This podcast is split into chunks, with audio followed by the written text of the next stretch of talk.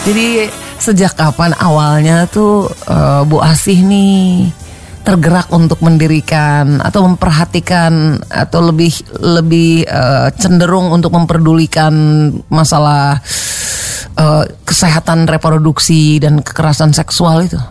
Ya, jadi sebenarnya saya mulai tergerak itu sejak 2006 yang lalu. Saat itu saya masih di bangku kuliah ya. Kebetulan hmm. saya jurusan biologi dan ada beberapa mata kuliah yang itu kemudian menyadarkan saya tentang oh, ya? tubuh ya? gitu, tentang tubuh, tentang seksualitas gitu, tentang diri yang oh. itu hampir saya tidak pernah mengenal itu gitu, tidak pernah mengenal oh. diri saya sendiri gitu, oh. gitu itu. Wow. Itu sebenarnya itu yang membuat saya terperangah, oh, ya? terperangah gitu tuh, oh, ya? shit gitu tuh. Ih, hebat banget baru, dari mata kuliah loh tergerak luar iya. biasa. Kuliahnya di mana kuliahnya? Saya kebetulan kuliah di IAIN Syekh Nurjati Cirebon. IAIN Syekh Nurjati Cirebon. Oke. Okay. Itu S1, kayaknya S2-nya juga di situ ya?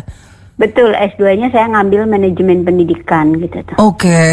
Jadi setelah sadar di sarjana yang awalnya S1, hmm. kemudian nerusin kuliah lagi di S2, ngambilnya yeah. manajemen pendidikan. Iya. Karena apa sih? Uh, sebenarnya saya ngambil S2 itu sebenarnya bagian dari janjiku sama almarhumah anakku dulu gitu tuh si oh. Anggit gitu tuh. Oh. Uh, saat itu 2018 kan kebetulan anakku uh, pulang lebih dulu gitu dan karena sakit. Uh, ya betul karena sakit dan Umur sebenarnya itu uh, ham, dua tahun ya sekitar oh, dua tahun, tahun 10 bulan. Sudah diambil, oke. Okay. Hmm. Terus terus gimana 2018, janjinya? Ya, du, jadi dulu waktu anakku masih bayi itu kan dia saya ajak keliling-keliling dan saya berjanji sama dia nanti kalau dia usia udah dua tahun kita kuliah bareng ya gitu tuh. Oh. Kita kita kuliah bareng nah pas 2008 uh, anakku lahir 2016 2018 dia pulang. Oh my God. Jadi pas pas pulang itu akhirnya uh, jadi kayak ada energi sendiri ya gitu tuh yeah. karena saya juga udah janji dan saya men, uh, melakukan apa melanjutkan studi. Mm. Melanjutkan studi nggak lama terus sampai ya saya selesai di hmm. 2021 awal. Hmm. Oh, tapi uh, Bu Asi ini pernah nerima beasiswa juga, beasiswa Health Reproductive Youth and Leadership dari Asoka. Ya? Betul, itu 2010 yang lalu gitu, 2010 -hmm.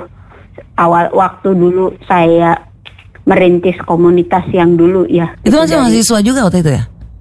Udah, uh, udah selesai? Udah selesai kebetulan udah selesai dua tahun uh. tapi karena uh, apa keputusanku untuk tidak balik kampung gitu tuh oh. tapi apa sih terus bergerak menemani masyarakat di bawah itu gitu jadi oh. ya saya memilih untuk keluar dari rumah gitu tuh keluar dari rumah ke mana saya di Cirebon gitu maksudnya tidak di kampung halaman tapi saya tetap kampung halaman di mana saya aslinya Jawa Tengah sebenarnya saya aslinya Brebes Aslinya Brebes. Saya tinggal di Cirebon terus nih sampai sekarang.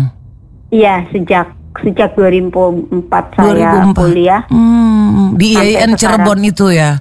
Harusnya iya. orang kuliah kan balik lagi ya ke orang tua iya. ya. Ternyata enggak.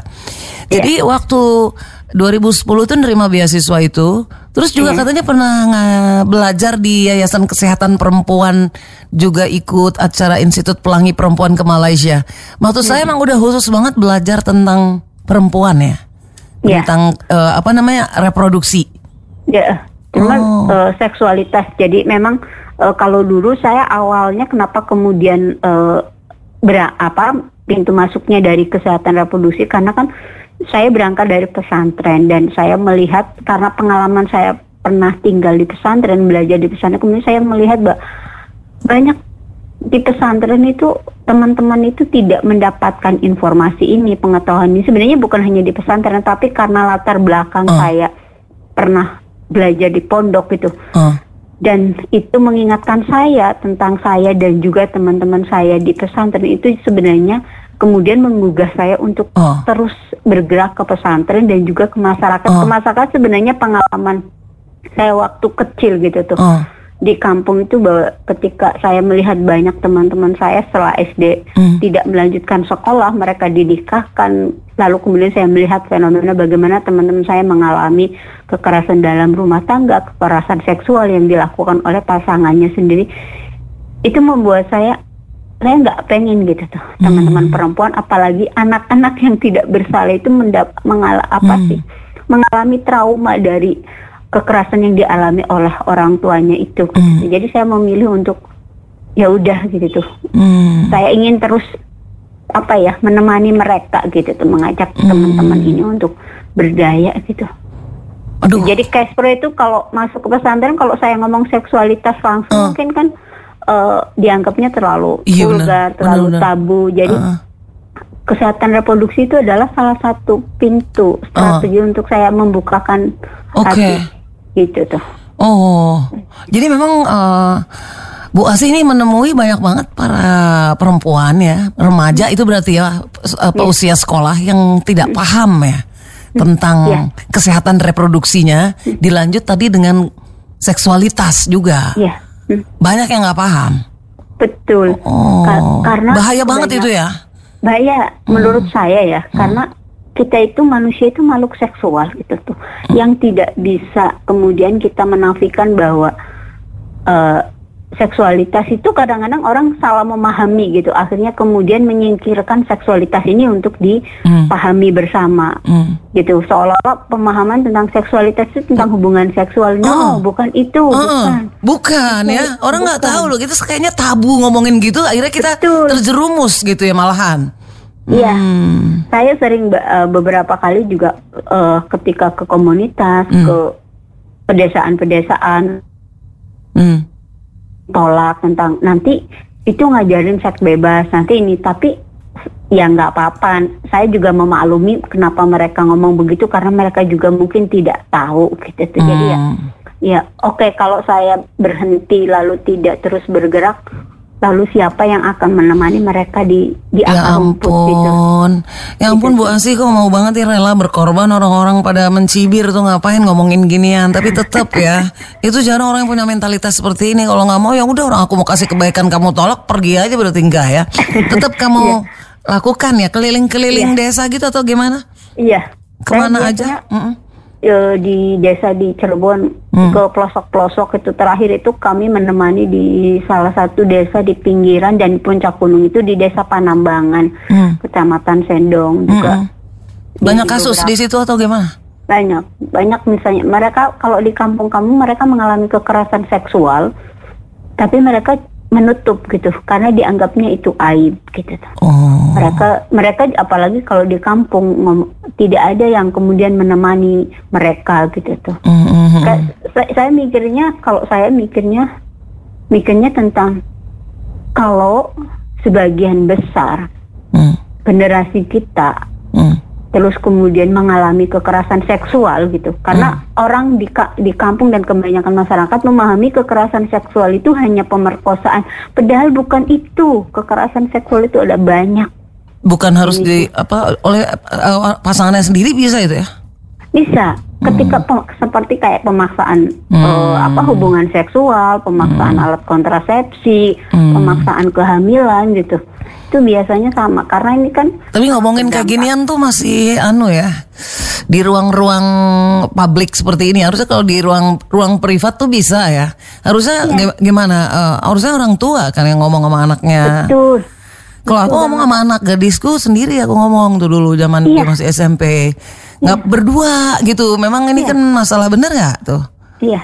Masa- masalah masalah privat, tapi sebenarnya kadang-kadang itu kan jadi bahan candaan-candaan yang kemudian Oh, iya. itu sebenarnya eh, itu sebenarnya sangat apa ya? Itu bisa disebut dengan kekerasan seksual. Ketika mereka kadang di tempat kerja, di kantor, bersama teman yang bisa tanpa tahu dia melakukan apa sih guruan-guruan seksis gitu tuh yang itu sebetulnya ini udah cikal bakal tuh ya ke arah yang Iya, lebih sebenarnya. parah ya. Baik Betul. baik baik. Jadi eh, kalau eh, menggagas umah ramah ini berarti eh, sudah beberapa tahun berdiri. Bagaimana dampaknya sekarang? Apakah semua program kegiatannya bisa berjalan dengan bagus, Bu Asih? Iya, jadi sebenarnya saya mendirikan Umar Rama itu eh, apa namanya apa ya se ini sebagai satu wadah ya karena saya hmm. bermimpi Umarama itu menjadi tempat yang aman dan nyaman bagi siapa saja hmm. apa pun latar belakang ras suku budaya orientasi seksual hmm. karena bagi saya setiap manusia yang lahir di dunia ini itu mereka sempurna mereka juga punya hak yang sama untuk hidup tanpa hmm. mengalami diskriminasi banyak yang bergabung berarti di ini sebuah wadah ini Al Alhamdulillah banyak kami menemani karena Umarama juga menemani orang-orang yang mengalami kekerasan seksual. Oh, jadi ada korban, ada juga orang-orang yang memang ingin uh, melakukan pencegahan ini kayak semacam hmm. Ibu Asih ini ya. Banyak juga teman-teman ya. yang ikut pengen menyuarakan ini ya. Betul, teman-teman hmm. muda terutama, hmm. terutama juga mereka yang mereka pernah mengalami kekerasan seksual bahwa apa yang mereka hmm. alami itu adalah bukan aib hmm. dan itu bukan salah mereka gitu tuh dan bukan keinginan mereka gitu tuh. Baik. Itu yang kemudian hmm. kita mendorong mereka untuk menjadi diri mereka sendiri. Ya, kita ya, ya. mendengarkan ya. sepenuh hati hmm. dengan kasih bahwa kamu berharga gitu tuh yeah, dan yeah. kamu tidak salah mm. atas kejadian yang pernah kamu alami wow. dan itu biasanya sangat membantu mereka untuk pelan-pelan berlahan menerima apa yang pernah mereka alami dan bangkit gitu. Oh, ini perlahan-lahan dimasukkan itu ya apa pemahaman-pemahaman tentang diri ya, penghargaan terhadap diri juga. Ini Bu Asih ngomong-ngomong dari Brebes udah nggak kelihatan Brebesnya yang ada malah Cirebonnya. akhirnya emang udah di situ yeah. berbakti mendedikasikan diri di Cirebon berarti ya.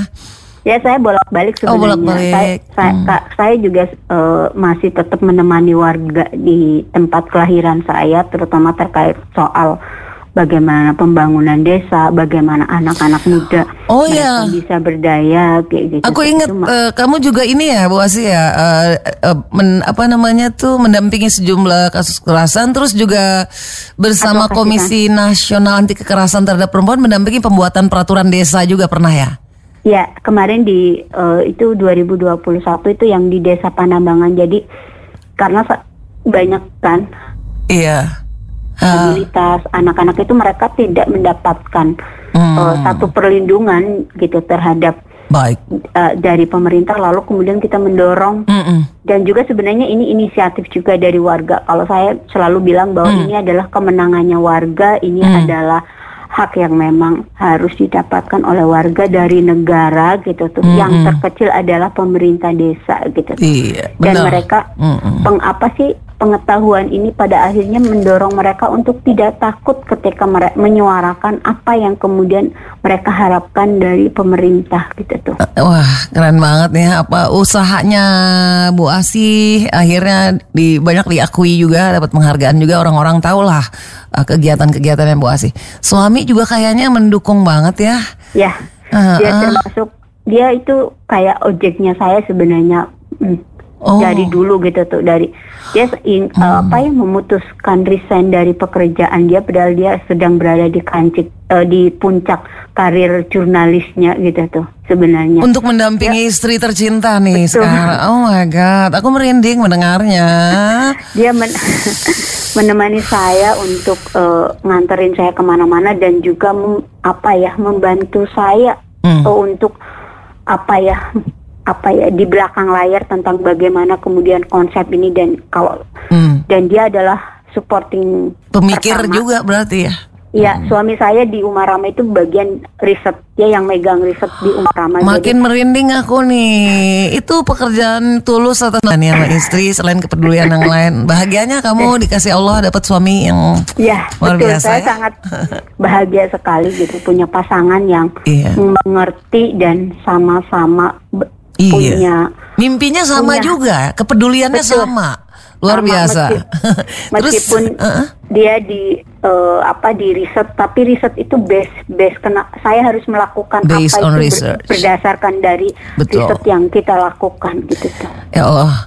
Terus uh, ini terakhir ya Bu Asi ya. Jadi harapan cita-cita ke depan bagaimana? Ini kan akan diperjuangkan terus usiamu baru 37 tahun sekarang dan uh, kamu masih terus akan melakukan ini atau gimana? Kamu dapat penghasilan hari-hari dari mana untuk hidup? Cuma berdua sama suami aja nih sekarang. Uh, sama suami kebetulan ada staff, uh, ada teman-teman volunteer, teman-teman hmm. volunteer kurang uh, sama staff kurang lebih 9 orang. Mereka adalah anak-anak muda yang ikut sama saya sejak uh, sejak empat tahun yang lalu dan Ada Baik. juga teman-teman uh, queer gitu yang mereka Baik. juga bersama di Umar Ramah. Saya sih berharap Hmm. berharap ketika Tuhan memberi saya sehat, saya akan terus berada di jalan sunyi ini gitu tuh dan saya tidak pernah takut saya tidak makan gitu tuh karena saya juga seorang dosen dan eh, Hmm. itu bagi saya cukup gitu tuh. Saya cuman berharap semoga sebenarnya saya orangnya males eh, untuk banyak ketemu media atau apa pun kayak gitu. Pengennya terus bergerak kayak gitu. Bagi saya semoga api semangat ini juga menular ke banyak orang untuk bergerak bersama gitu tuh di kultural menemani mereka dengan caranya masing-masing. Wow. Itu sih. Luar Mbak. biasa. Semoga harapannya terwujud ya Bu Asi. Amin, amin. Semoga selalu Nadia. dapat berkah banget nih apa yang kamu lakukan. Sungguh menakjubkan. Terima kasih. Sampai jumpa lagi. Salam buat teman-teman yang ada di sana ya di Umar Siap, ya. siap. Makasih. Makasih. Mbak Nadia. Ya, wah mitra idola terharu gak sih dengar ceritanya ya Itulah Asih Widiawati pendiri Umah Ramah Cirebon Jawa Barat Yang peduli banget dan fokus pada isu kesehatan reproduksi dan kekerasan seksual. Atas kepeduliannya itu dia menerima penghargaan sebagai perempuan pemerhati masalah perempuan dan anak Dari Bupati Cirebon 2022